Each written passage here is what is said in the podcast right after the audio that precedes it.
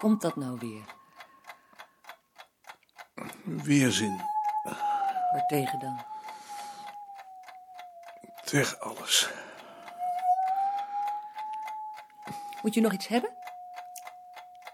Nee, Als je iets nodig hebt, dan roep je maar. zou je Ad willen bellen? Wat moet ik dan zeggen? Ik had over die profielschets moeten praten.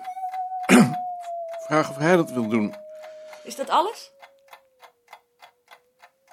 Zeg maar dat hij naar bevind van zaken kan handelen. Ik zal het doen. Het beste.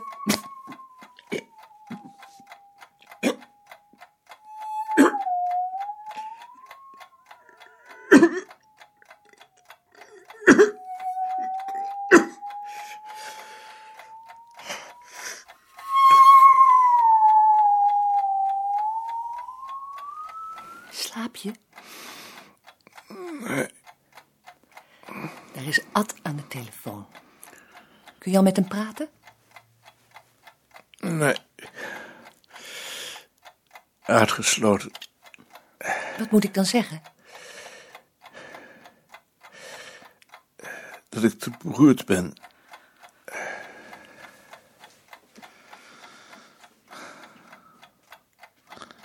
Hij is nog te beroerd.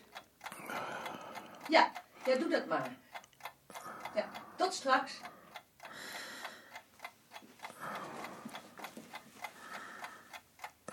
Hij belt tegen een uur of vier weer. Het heeft haast, zegt hij. Goed.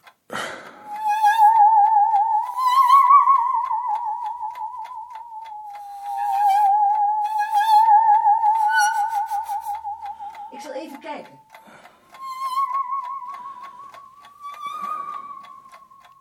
Ben je wakker? Ja. Daar is Ad weer. Hoe laat is het dan? Vier uur. Zal ik zeggen dat je nog te beroerd bent? Nee.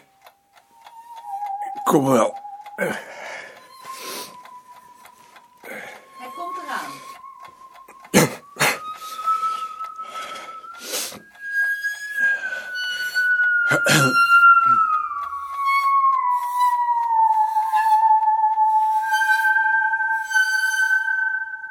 Maarten, Ja, Ad? je bent nog ziek? Ik heb een hoofdpijnaanval.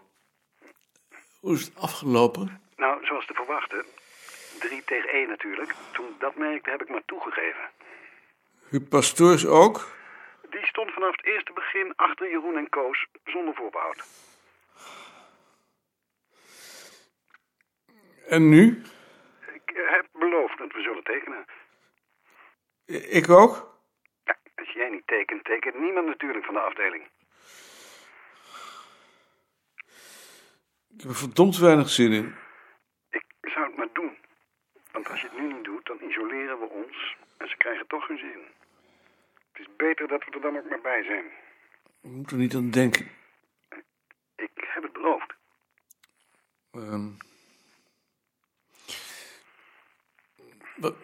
Wanneer moet je het weten? Nu. Die brief moet vandaag de deur uit. Domme. Rotzakken.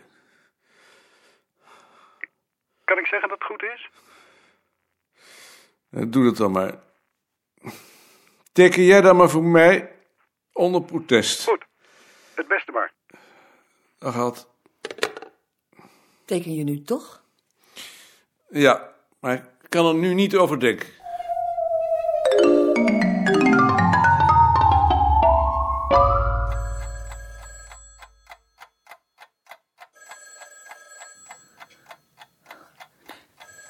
Telefoon gaat. Wie belt er nou om kwart voor zeven?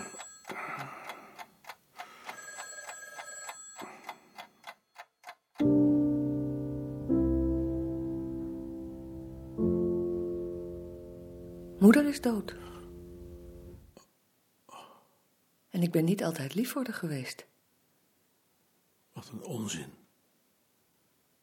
Je bent heel lief voor haar geweest. Nee?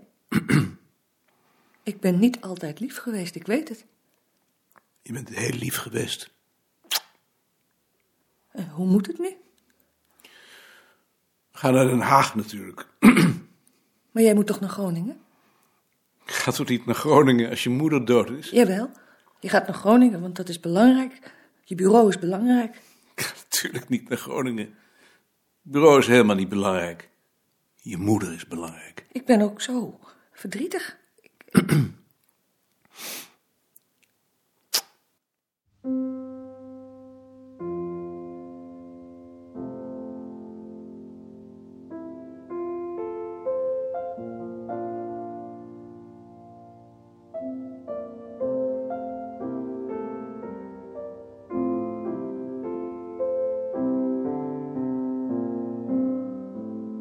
Het rouwcentrum van waaruit zijn schoonmoeder begraven zou worden bevond zich aan het eind van de Rijswijkse weg. Ze liepen erheen vanaf het station. Het was een heldere, frisse lenteochtend met veel wind en een blauwe hemel. Het verkeer raasde in twee richtingen langs, maar ze werden beschermd door een ventweg.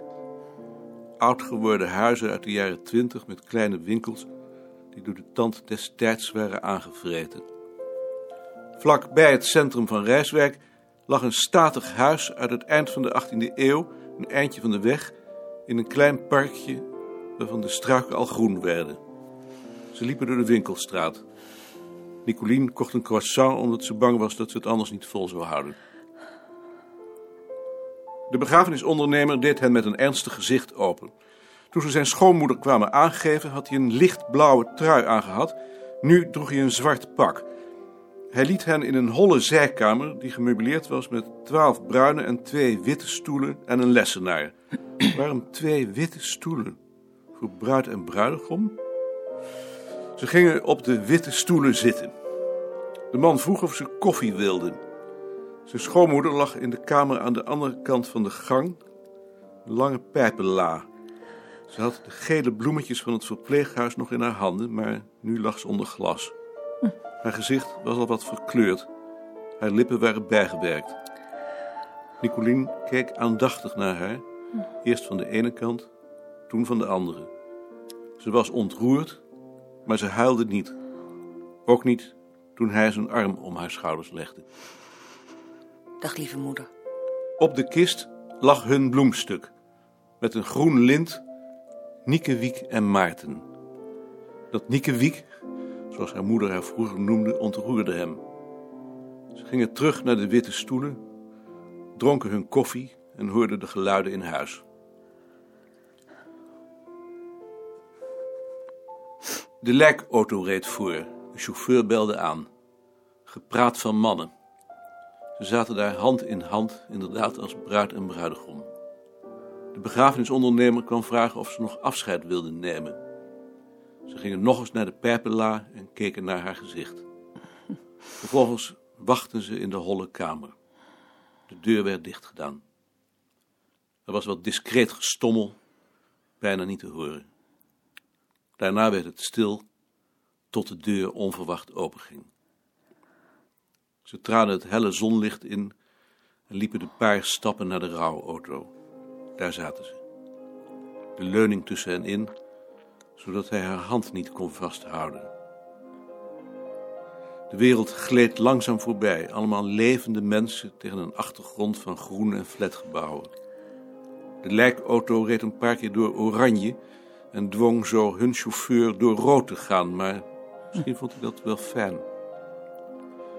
Ze versnelden het tempo, geruisloos, minderden weervaart, namen met zachte zekerheid de bochten en draaiden over de verkeersdrempel de laan van Eik en Duinen in. Voor de begraafplaats stond een van Nicoliens nichten met een zonnebril op naast de auto van haar zwager. Hij stak beschaafd zijn hand op, maar ze zag hem niet, of ze deed alsof ze hem niet zag, en hij vond dat hij ook eigenlijk niet had mogen wuiven. Vanuit een rouwauto wuift men niet. Ze reden voor. In het winderige portaal stonden twee andere nichten, deze van de kant van Nicoliens vader, en twee mannen die hij niet herkende. Ze gingen met hen naar binnen in een grote erker achter glas in loodruiten en drukten hun de hand. Na enige tijd begreep hij dat de ene man de echtgenoot van een van de nichten was, en de andere een man wiens vrouw ook in het verpleeghuis zat en die ze daar regelmatig hadden gezien. De nicht met de zonnebril, haar zuster en haar zwager kwamen nu ook binnen. Ze zaten in een halve cirkel langs de wand. De bekende uit het verpleeghuis was nogal onbescheiden naast Nicolien gaan zitten en had het hoogste woord. De beide nichten van de kant van Nicoliens moeder probeerden zich van de andere kant van de cirkel ook in het gesprek te mengen, zodat het een storend geklets werd, alsof ze elkaar toevallig in een openbare gelegenheid ontmoet hadden. De begrafenisondernemer kwam voor de tweede keer plechtig vragen of hij in de aula of aan het graf wilde bedanken. Aan het graf dus. Hij maakte van de gelegenheid gebruik om te zeggen dat er enig oponthoud was, omdat de vorige begrafenis was uitgelopen. Zodra de man weg was, begon het geklets opnieuw. Hij probeerde zich eraan te onttrekken door weinig te antwoorden, maar hij slaagde daar maar half in. Pas toen de begrafenisondernemer opnieuw binnenkwam en de deuren opende, waren ze even stil. Onder de tonen van Chopin liepen ze achter elkaar de aula in, naar de voorste rij.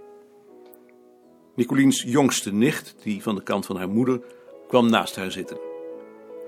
Ze begon meteen weer te praten en hoorde toen pas dat er muziek was. Want in die grote aula klonk de piano maar heel bescheiden. Ze luisterde naar de muziek. Träumerij en de wals van Brahms in As. Melodieën die zijn schoonvader altijd floot en die zijn schoonmoeder later ontroerde als ze ze bij hen hoorde.